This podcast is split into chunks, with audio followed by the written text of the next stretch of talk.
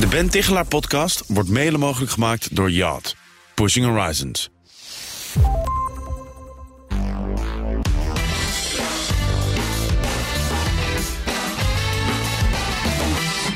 Ruzies, conflicten, polarisatie. Wat doe je als je hiermee te maken krijgt? Bijvoorbeeld op je werk.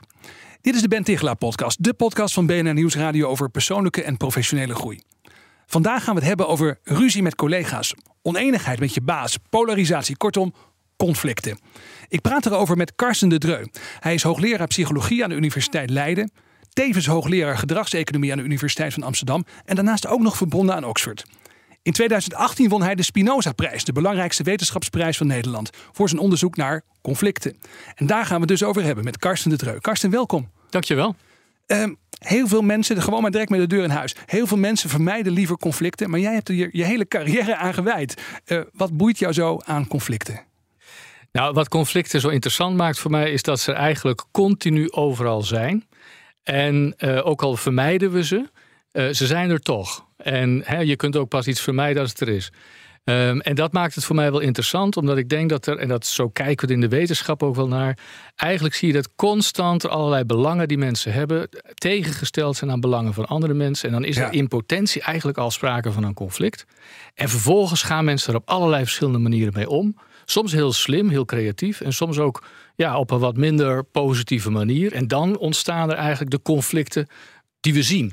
Okay, en dus heel vaak is pas als je het ziet, dan, dan is het er. Nee, het is er eigenlijk al veel eerder. En dat maakt het ook voor mij zo interessant. En wat gebeurt er nou eigenlijk dat die latente strijd die er is, op een gegeven moment ja, naar, de, naar de oppervlakte brengt? Wat gebeurt er en hoe zou je dat eigenlijk beter kunnen doen vaak? En dan gaat het dus over hele verschillende soorten conflicten. Dat kan gaan van ruzie in een gezin tot oorlogen, zal ik maar zeggen. Ja, absoluut. Ja. En er zitten dezelfde ja. mechanismes onder. Ja, dat, dat is juist wat zo fascinerend is. Dat je eigenlijk als je ernaar gaat kijken... en natuurlijk een beetje door je oogharen van afstand... dan zie je eigenlijk dat de conflicten waar we nu eh, dagelijks over lezen in de krant... in de Oekraïne bijvoorbeeld... Ja. Daar, daar zit een bepaalde dynamiek die je ook terugziet hè, op een heel ander niveau. En je moet natuurlijk wel een beetje fantasie hebben. Maar je ziet het eigenlijk ook weer terugkomen in, in gezinssituaties of op het werk. Er zitten een bepaalde wetmatigheden, zou je kunnen zeggen. En die zie je eigenlijk opborrelen en dat vind ik fascinerend. Ja. Je zegt in de wetenschap kijken jullie dus eigenlijk vooral niet naar, nou ja, als het al uit de hand gelopen is, maar eh, naar die tegengestelde belangen. Dat is waar het om draait in het wetenschappelijk bestuderen van conflicten. Nou, we proberen eigenlijk die drie, drie dingen een beetje uit elkaar te houden. Dus één is zeg maar de structuur, hè, dat, je, dat die belangen tegenover elkaar staan. Ja. Vervolgens kijken we hoe gaan mensen met die tegenstrijdigheden om. Dat is de conflicthantering. Ja. En dan kun je ook nog kijken en wat zijn de uitkomsten? Hoe loopt het nou af? Met wat voor consequenties blijven mensen zitten? En ik kan er wel een voorbeeldje van geven. Heel ook weer een beetje gestileerd. Maar je, je hebt twee zussen en er is een sinaasappel. Ja. En ze willen allebei die sinaasappel. Dus ze hebben een conflict. Want ze willen allebei iets wat ze pas kunnen krijgen als de ander het niet wil. Maar die ander wil het ook. Nou, probleem. Dus voor mij heel herkenbaar. Je hebt vier dochters, Oh, vier zussen. Ja. en altijd te weinig sinaasappelen. En altijd te weinig sinaasappels. Precies. nou goed, maar laten we het beperken tot twee zussen en één sinaasappel. Ja. En er is ook een mes. En nou wordt het gevaarlijk.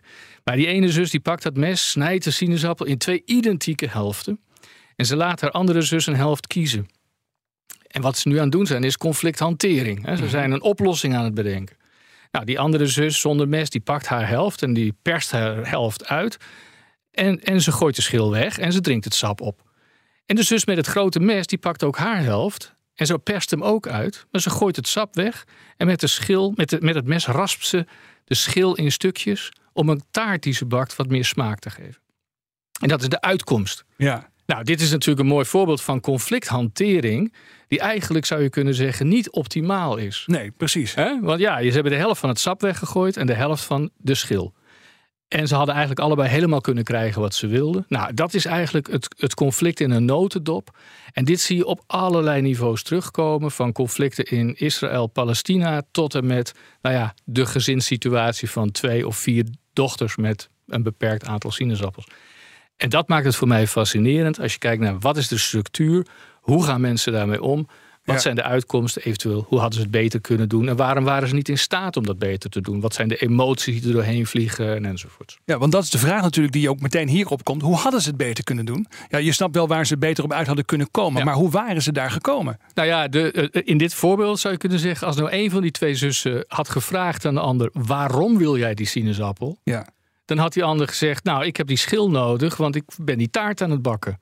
Oh, nou, van mij mag je die schil hebben, dat interesseert me niet. Maar dan wil ik het sap, oké? Ja, tuurlijk, ja, dat sap maakt mij niet uit. Dus als één van twee al had gevraagd, waarom wil je het eigenlijk? Ja, dan was, hadden ze direct gezien dat er eigenlijk, eigenlijk geen conflict was. Hè? Ja, dan was het opgelost. Nou, en die vraag, waarom? Waar heb je nou werkelijk behoefte aan? Waarom wil je wat je vraagt? Eh, dat is een vraag die we heel vaak niet stellen. En als we die stellen, dan zien we heel erg vaak ook dat juist dan de zaak vlot getrokken kan worden. Ja, ja, ja. Kun je ze een voorbeeld geven, ook uit de werkomgeving? Veel luisteraars die zullen denken, oké, is interessant. Maar bedoel, bij mij op het werk gaat het niet om dit soort leuke casussen met een sinaasappel. Waarbij we allebei onze zin kunnen krijgen. Heel vaak gaat het natuurlijk om dat mensen iets willen. En bijvoorbeeld een werkgever wil ze dat niet geven. Ja. Of er is, eh, er is echt schaarste, er is niet genoeg om te delen met iedereen. Ja. Werkt het dan ook om deze manier die belangen die achter de standpunten van mensen zitten, eh, om die dan op die manier te verkennen door die Ja. waarom-vraag te stellen?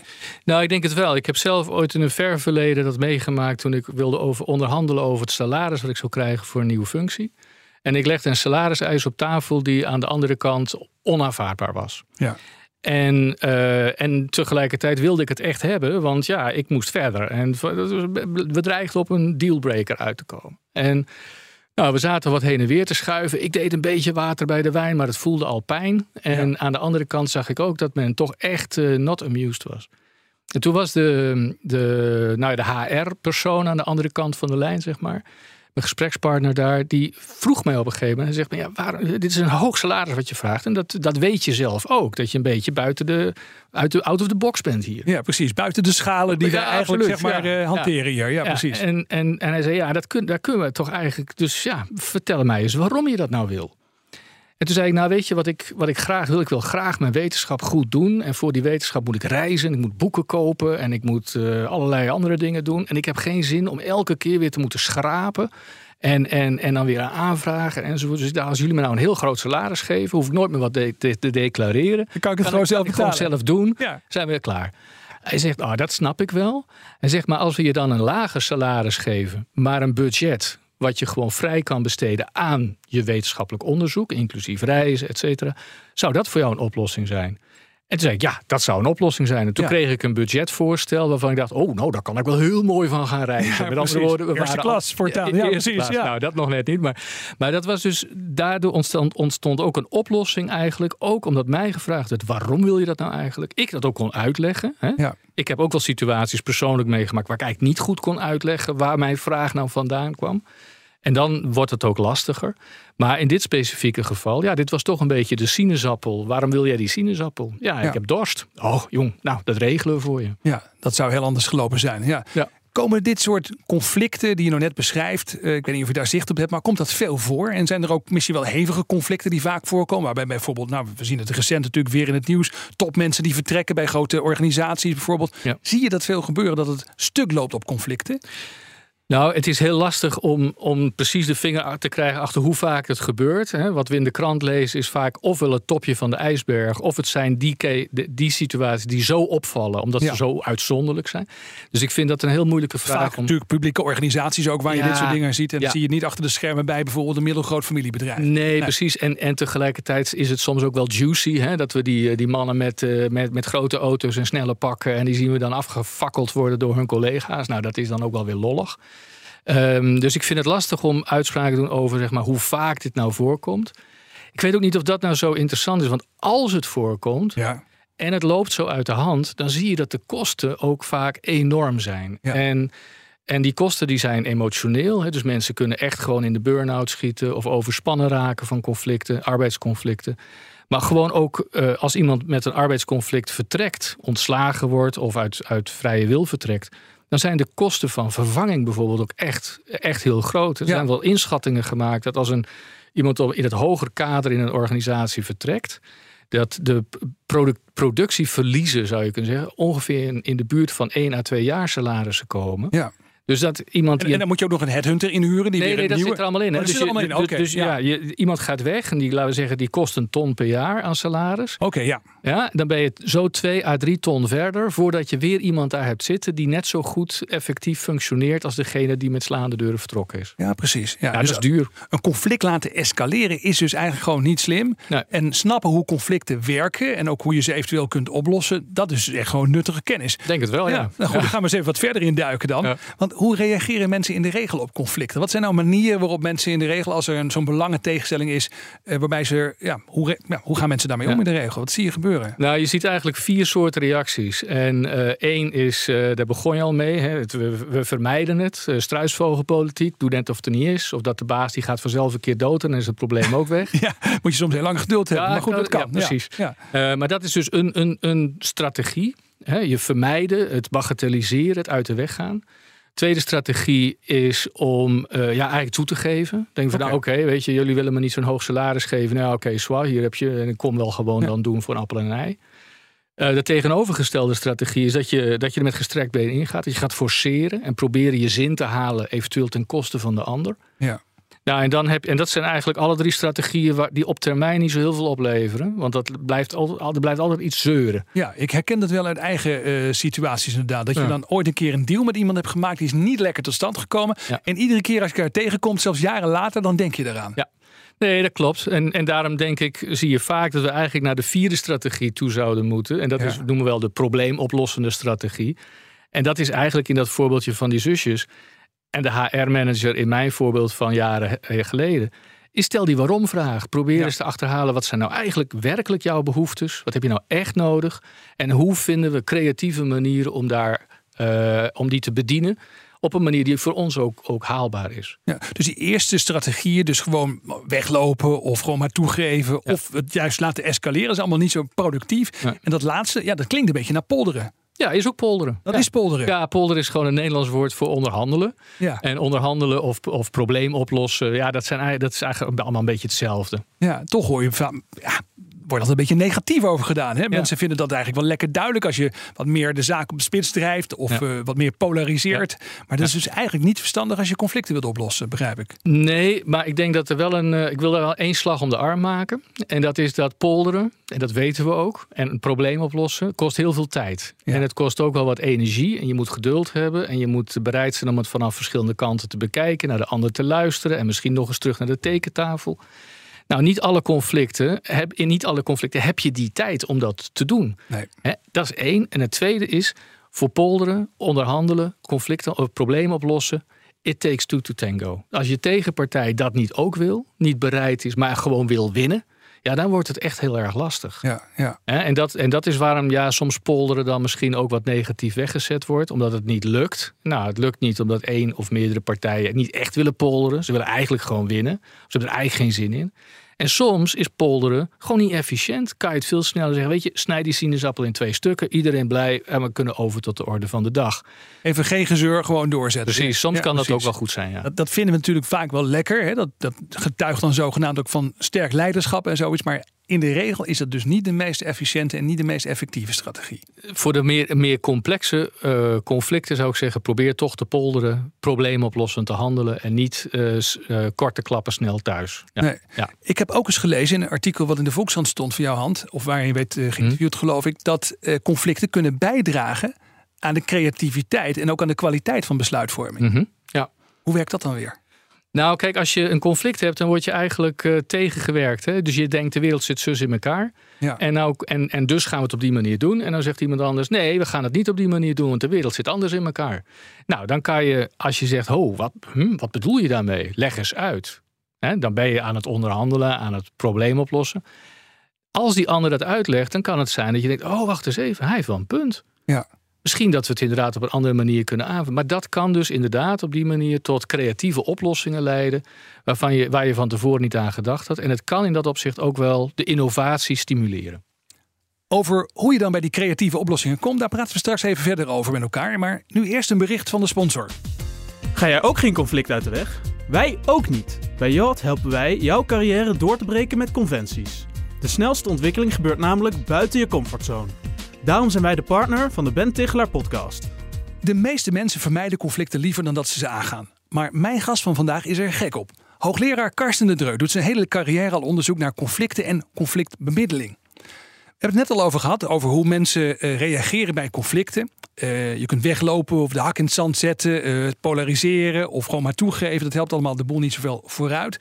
Maar wat is dan slim om wel te doen? We hebben het al over gehad. Je moet vragen waarom wil je dit? Maar zijn er nog meer technieken of ideeën, procedures waarvan jij zegt, nou dat is slim, dat moet je, dat moet je gebruiken? Nou, een van de dingen die het lastig maakt om met conflicten om te gaan, is dat de emoties soms best hoog kunnen oplopen. Je kan je bedreigd voelen, uh, je kan boos zijn, gefrustreerd. En met al dat soort emoties kan je misschien wel eens een beetje het zicht op de bal verliezen. En dat is voor geen enkel conflict goed. Um, wat heel erg kan helpen, zeker als dat gaat, gaande is, dat je merkt van hé, hey, ik zit met hier te veel arousal in, ja. is om eigenlijk er een, laten we zeggen, een neutrale derde bij te halen. Iemand die een beetje kan consulteren, die kan meekijken, meeluisteren en die op een gegeven moment kan zeggen: hé hey joh, volgens mij bedoelde de ander het niet zo. In Den, in Den, Haag zeggen ze dan Johan Remkes. Ja, bel Johan Remkes. Bij ieder probleem ongeveer, ja. ja. Ja. en dan moet je uitkijken dat je niet zeg maar... want dat is denk ik wat in de politiek wel eens gebeurt. Zeggen, weet je, we laten iemand een rapport schrijven... over of het nodig is om een rapport te schrijven. En dat is eigenlijk... ja, dan maken we het, verwateren we het zo...